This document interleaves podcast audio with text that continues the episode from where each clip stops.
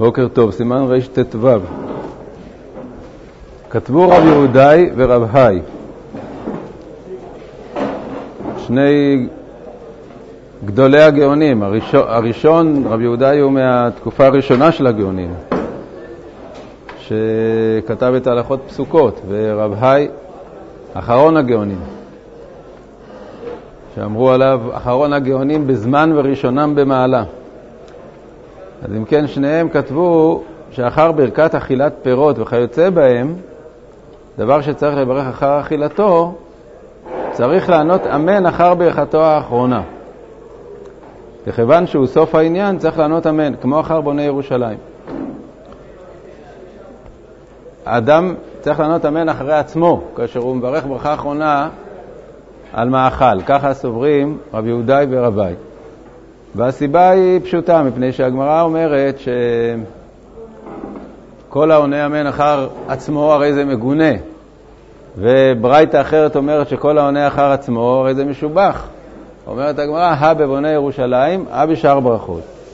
מה הפירוש? שבברכת המזון, אם הוא עונה אחר בוני ירושלים, אז הוא משובח, מפני שזה סוף הברכות, דאורייתא. ברכה רביעית, הטוב האמיתי, והיא לא מעיקר התקנה הראשונה של ברכת המזון, אלא הוסיפו אותה אחר כך. ובסוף הברכות אדם צריך לענות אמן אחר עצמו. סוברים אה, חכמי ספרד והגאונים שזה לא רק בבוני ירושלים, אלא שבכל אה, סדרה של ברכות, כאשר יש לנו כמה ברכות שאומרים אותן זו אחר זו כמו ברכת המזון, אז בסוף הברכה האחרונה, אדם עונה אמן, אומר אמן אחרי אה, שהוא מסיים את הברכה האחרונה. אבל אה, מה זה נקרא סדרה של ברכות? סדרה של ברכות זה לא רק כאשר מברכים ברכות רצופות, אחת אחרי השנייה, אלא גם כאשר מברכים על משהו לפניו ואחריו. עד היום הזה, אה, מנהג הספרדים הוא, כפי שפוסק השולחן ערוך, להגיד אמן בסוף ברכת אה, השתבח, או בסוף ברכת מלך מולל בתשבחות של אה, הלל. מדוע? מפני שהוא בירך לפניו, ברוך שאמר, לפני פסוקי דה זמרה, מברך אחריו השתבח, אז הוא עונה אמן אחרי השתבח. ברך ברכת ברוך אתה השם אשר גישם מצוותיו לגמור את ההלל. בסוף הוא מברך מלך מולל בתשבחות, עונה אמן אחרי עצמו. אומרים רבי יהודאי ורבי, הוא הדין לגבי ברכת אה, אה, אוכל. אם אתה בירכת קודם על פרי, בורא פרי העץ, אחרי שאכלת אותו אתה מברך בורא נפשות, אז תגיד אמן אחרי שגמרת את בורא נפשות. מאותה סיבה שאנחנו אומרים את זה, ב, ב, כלומר, לשיטת הגאונים והראשוני ספרד, שהשולחן ערוך פוסק כמותם, מאותה סיבה שאומרים בסוף השתבח, אז גם צריך להגיד אחרי ברכה של, אה, אה, ברכה אחרונה על אוכל. והרמב"ם ז"ל כתב שאין לענות אמן, אלא כשאומר שתי ברכות או יותר זה אחר זה, אבל ברכה אחת אין לענות אמן אחריה אפילו בסוף. ואדוני אבי הראש ז"ל היה נוהג כהרמב"ם ז"ל. אז אה, דעת הרמב"ם שבאמת גם בהשתבח וגם, ב, וגם במלך מולל ותשבחות לא אומרים אמן.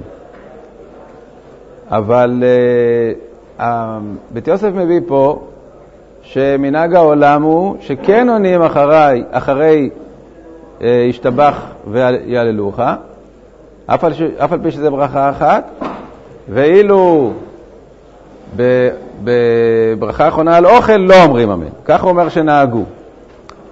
אז כנראה שהסיבה של הדבר היא שגם, טוב, אז זה שנהגו, הספרדים נהגו לענות אמן אחרי השתבח ואחרי יהללוך, זה אמרנו מה הסיבה. הסיבה היא שזה שתי ברכות שאומנם לא רצופות, אבל הן שייכות לאותו דבר. יש ברכה לפניה, ברכה לאחריה. וכשגומרים את הברכה האחרונה, מברכים, אה, עונים אמן. לעומת זאת. באכילה, יכול להיות שהסיבה היא מפני שזה לא תמיד שיש ברכה אחרונה על אכילה. הרי ברכה ראשונה על אכילה יש תמיד. אבל ברכה אחרונה לא תמיד. למה? כי אם אדם אכל פחות מכזית, או שאכל בפחות פחות מ... מכל פעם אכל קצת ועבר ידי, כדי אכילת פרס, אז הוא לא מברך ברכה אחרונה.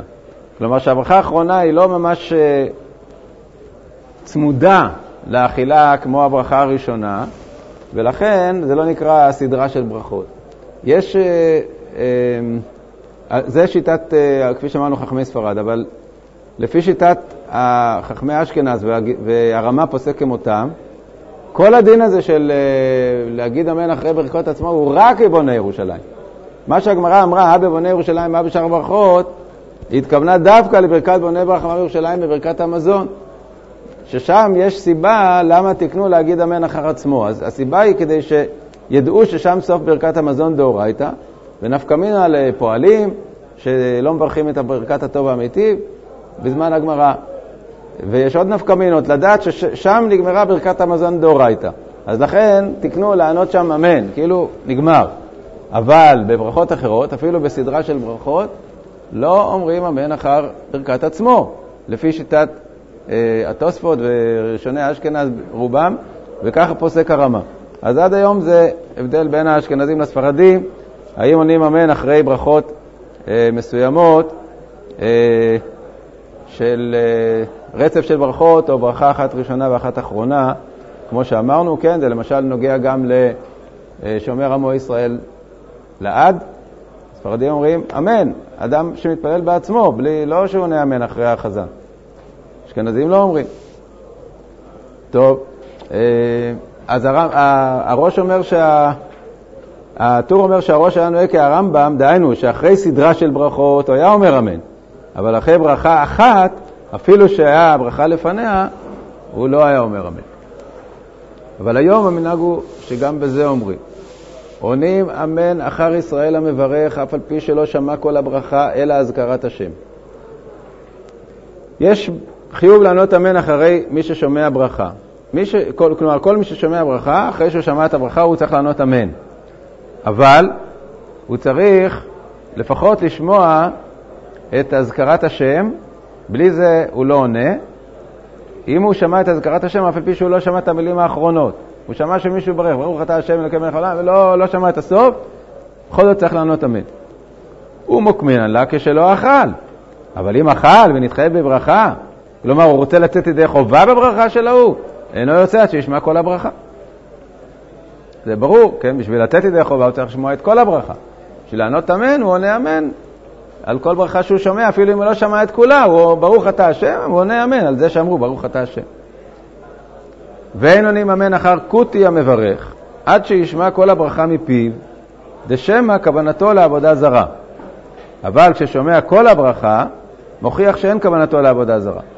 הכותים, הכותים המקוריים האלה של חז"ל, דהיינו השומרונים של היום, אז משלב מסוים, למרות שהם היו יהודים, ש...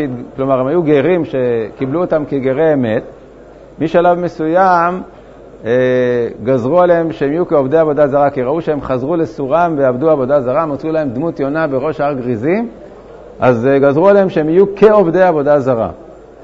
ולכן אה, לא עונים אמן אחר ברכתו, אלא אם כן שמעו את כל הברכה, כדי להיות בטוחים שהוא לא אמר משהו שהוא קשור לעבודה זרה. ואחי איתא בירושלמי, גוי שברך השם עונים אחריו אמן, כותי אין עונים אחריו אמן. לפי שאין דרך הגוי לכוון השם לעבודה זרה. דווקא גוי שאומר ברוך אתה השם, אתה יכול לסמוך על זה שזה לא לעבודה זרה, ובקוטי לא. וזה מיירי כשלא שמע כל הברכה, כיוון שאמר שאין עונים אחר הקוטי. כלומר, הרי אמרנו שבגמרא כתוב שאם הוא אמר את כל הברכה, אקוטי, אז אפשר לענות אחריו, כי שמעת את כל הברכה, את כל מה שהוא אמר, הוא לא אמר שום דבר אה, לא טוב. לגבי גוי, אפילו שלא שמעת את כל הברכה, מותר לענות אחריו אמן. ויראה דאונים דקאמר, לאו חיובה כאמר. כלומר, לא שחייבים לענות אמן אחרי ברכה של גוי, אלא כמה שלנו דאין עונים אמן אחר הקוטי. כלומר, שיש איסור לענות אמן אחרי קוטי אם אתה לא שמעת את כל הברכה. לגבי גוי, אם אתה רוצה, מותר לך לענות אמן, אבל זה לא חיוב. אבל הרמב"ם ז"ל כתב, כל השומע אחד מישראל מברך אחת מכל הברכות, אף על פי שלא שמע כולה מתחילתה ועד סופה, אף על פי שאינו חייב באותה ברכה, חייב לענות אחריו אמן. ואם היה המברך מין, כלומר כופר, או כותי, או גוי, או תינוק המתלמד, או שהיה גדול ושינה ממטבע הברכות, אין עונים אחריו אמן. אז הרמב"ם מסבר שגם על גוי, אה, גם על גוי לא עונים אמן אם לא שמעת את הברכה כולה מתחילתה ועד סופה, לא רק על כותי. שמא הוא מתכוון, שמא הוא מוסיף משהו לעבודה זרה. ואם מדברים על uh, תינוק המתלמד או גדול ששינה, אז זה מסיבות אחרות. תינוק המתלמד, הוא פשוט מלמדים אותו לברך עכשיו, אז זה לא ברכה, ברכה זה כשהוא יברך בעצמו על משהו שהוא אוכל, תכף נראה שהוא ידבר על זה. אבל אם הוא אה, פשוט עכשיו לומד לברך, או מלמדים אותו סתם ככה, בלי שהוא אוכל, אז אה, לא עונים אחריו אמן, וגם מי ששינה מטבע ברכות אין עונים אחריו אמן. ואגב, פה לא כתוב אף מילה על זה שמי שמברך ברכה ש...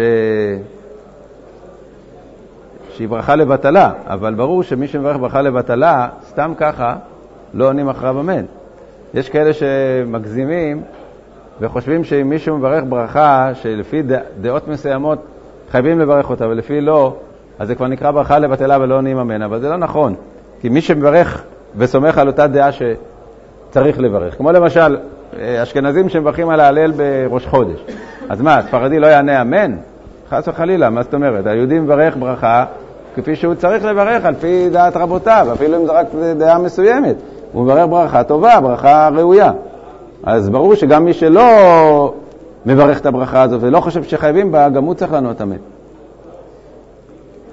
תניא, אחר הכל עונים אמן חוץ מאחר תינוקות של בית רבן. ואני מילי בעידנא דגמרי, פירוש שלומדים בפני רבן, סדר הברכות. אבל בעידנא דמיפטרי נפשייהו עונים. מה זה בעידנא דמיפטרי נפשייהו? יש כמה פירושים. יש מפרשים דמיפטרי נפשייהו, אחר שלמדו, נפטרים משם ואומרים קדיש. כלומר שהם אומרים את הקדיש דרבנן, אז ודאי שצריך לענות אחריהם, אם לימדו אותם להגיד קדיש דרבנן אחרי הלימוד. והראב"ד פירש, בשעה שאכלו ומברכים לפטור עצמם, אף על פי שאינם בני חיוב, בכל מקום חינוך מצווה איכא. כלומר שאם זה ילד שהגיע לחינוך והוא מברך, אז צריך לענות אחריו אמן. אה, כשמלמדים ילד קטן לברך, אז אה, אתה אומר לו, אתה אומר לו את המילים, והוא אומר אחריך, אחר כך אתה אומר אמן, אז הוא גם אומר אמן. כי הוא חושב ש... שהוא צריך להגיד גם את זה. אז uh, יש כאלה שאומרים שהכוונה רק להגיע, להגיע לחינוך שהוא כבר מבין מה שהוא אומר, לא שהוא סתם כאילו חוזר על מילים בלי לדעת. תינוק קטן שהוא חוזר על מילים, מלמדים אותו בצורה טכנית לחזור על המילים, אז על זה לא צריך לענות אמן. צריך לענות אמן רק כאשר הוא הגיע לחינוך, כלומר שהוא מבין מה שהוא אומר, ואז אף על פי שהוא קטן, עונים אחריו אמן. ורש"י פירש, בעידנא דמיפטר נפשיו, כשאומרים ההפטרה ומברכים בתורה ובנביאים. מצד הדין, אה, קטן עולה למפטיר, ואז כשהוא עולה למפטיר, ודאי שהוא אה, הגיע לחינוך, וודאי שהוא אומר ברכה ראויה בזמן, אז אה, עונים אחריו. אז בקיצור, יוצא ככה שכשהילד אה, הוא קטן והוא יודע מה שהוא עושה, דהיינו שהוא מבין שהוא מברך עכשיו בתור מצווה, אז צריך לענות אחריו אמן.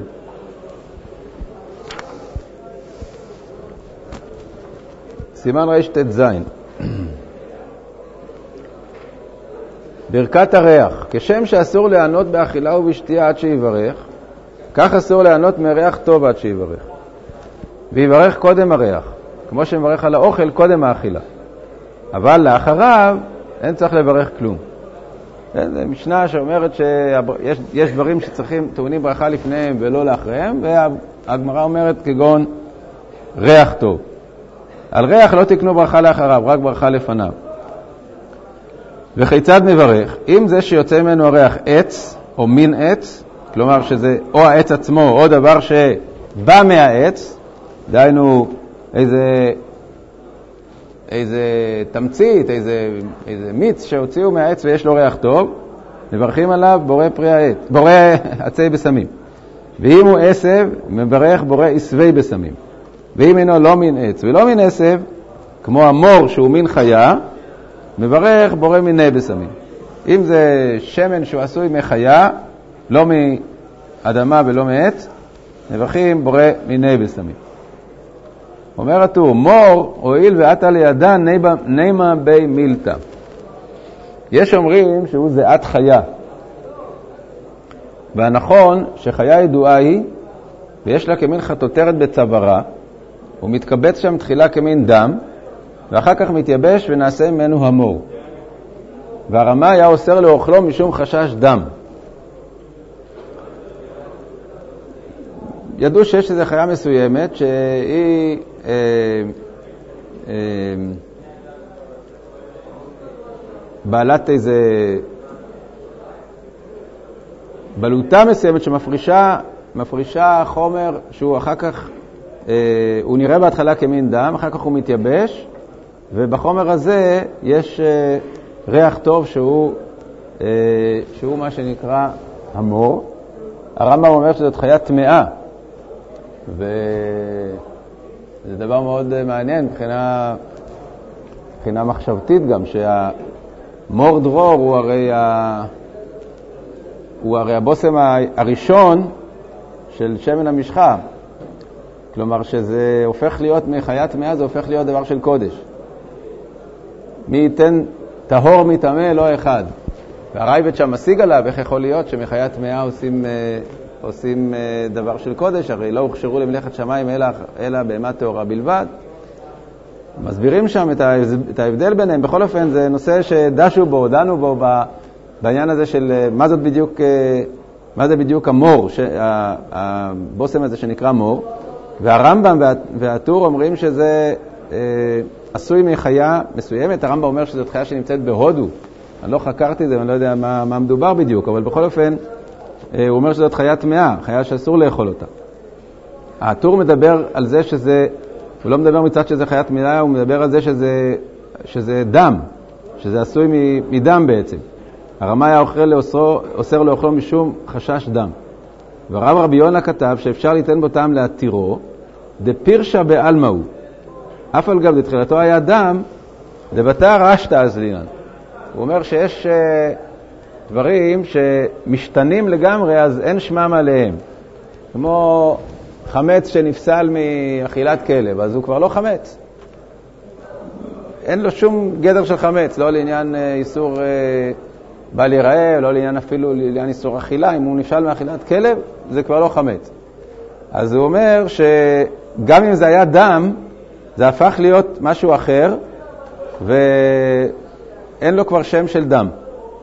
תדע, ככה כתב הרב רבי יונה, שהרי הדבש, אם נפל בו חתיכת איסור, אף על פי שהאיסור נימוח בתוכו, כיוון שדרך הדבש להחזיר הדבר הנופל לתוכו דבש, אה, סליחה, אה, כן, נכון, כך קראת, ככה צריך לקרוא. כיוון שדרך הדבש להחזיר הדבר הנופל לתוכו דבש, כלומר הוא הופך אותו לדבש בעצמו, דיינין עליה כמו דבש. החנן, אף על פי שתחילתו היה דם, בתר אשתא אזלינן.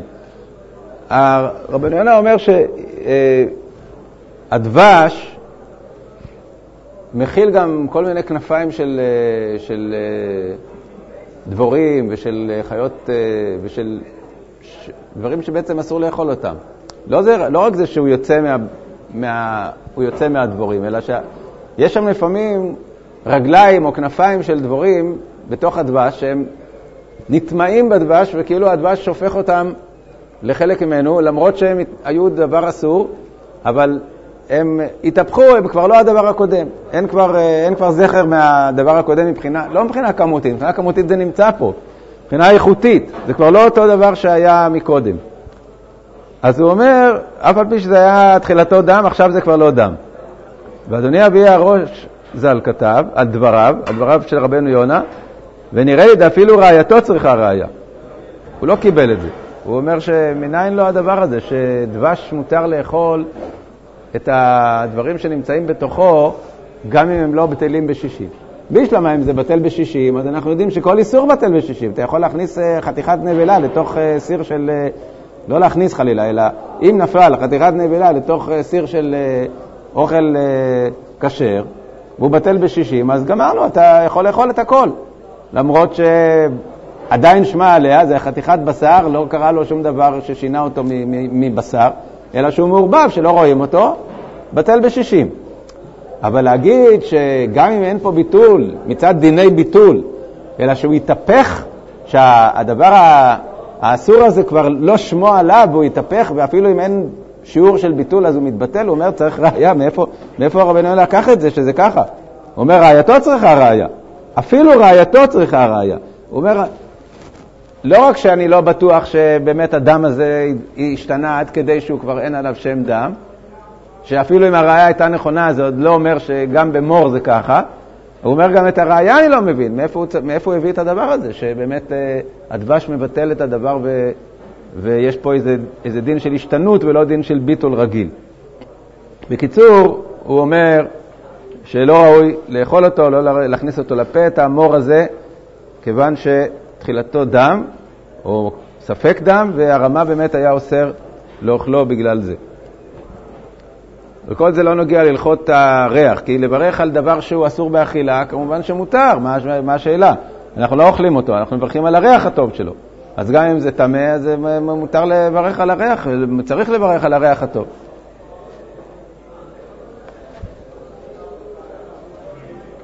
ואם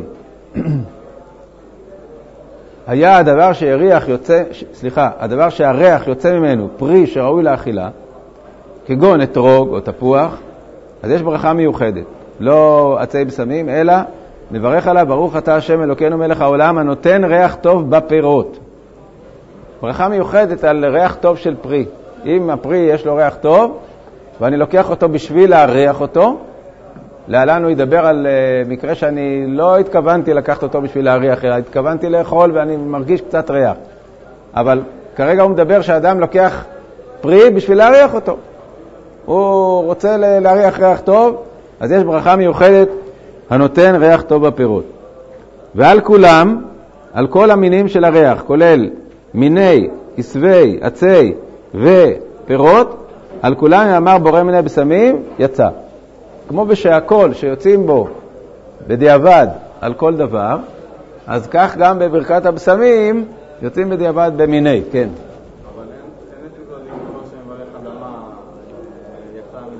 נכון. נכון, נכון, טוב הערת, כי אין, באוכל, אז פרי האדמה בדיעבד מוציא גם פירות העץ. למה? כי זה גם כן פרי האדמה, הוא, הוא, הוא יוצא מהאדמה, זה פרי שיוצא מהאדמה. אבל לברך על דבר שברכתו עצי בסמים, לברך בורא יסווה בסמים, זה לא, הוא לא יצא. למה? כי זה לא עשב, עשב זה משהו מוגדר. עץ זה לא עשב. פרי האדמה, זה, זה נכון להגיד גם על פירות האילן שהם פרי האדמה, אבל להגיד על העץ הזה שהוא עשב, עשב זה דווקא דבר כזה רך אה, אה, ש, שיוצא מה, מהאדמה ונשאר רך. אנחנו נראה שההגדרה של אה, עצי, מה זה עץ לגבי עצי בשמים, זה לא זהה להגדרה של, של עץ לגבי פרי העץ, זה עוד דבר. אבל בכל מקרה, המילה עשב לא מתאימה לעץ. הילקח, על דבר שהוא מסופק בו, מהו? מברך בורא מיני בשמים. כמו שאנחנו רואים על דבר שאתה לא יודע אם זה, בורא, אם זה פרי האדמה או פרי העץ, אתה מברך שהכל, או שאתה לא יודע, סליחה, אתה יכול לברך פרי האדמה, אתה לא יודע אם זה דבר שהוא גדל מהארץ או לא, אתה מברך שהכל, אז כך גם בריח, שאתה יודע שיש לך פה דבר שנותן ריח ואתה לא יודע אם הוא מהאדמה, מעשב, מעץ, מה... לא מזה ולא מזה, מברכים בורא מיני בשמים. ופרשו התוספות, הד מברכים על דבר העומד לאכילה, כלומר על פירות, דווקא כשלקחו להריח בו, או לאוכלו ולהריח בו. אבל אם אכלו ולא נתכוון להריח בו, אלא אגב אורכי, אלא הריח אינו מברך. כלומר, זה לא שאני לוקח תפוח ואוכל אותו, ואני, פתאום אני מרגיש שיש לו קצת ריח לא, שאני צריך לברך עליו. כי לא, מטרתי לא הייתה להריח, מטרתי הייתה לאכול.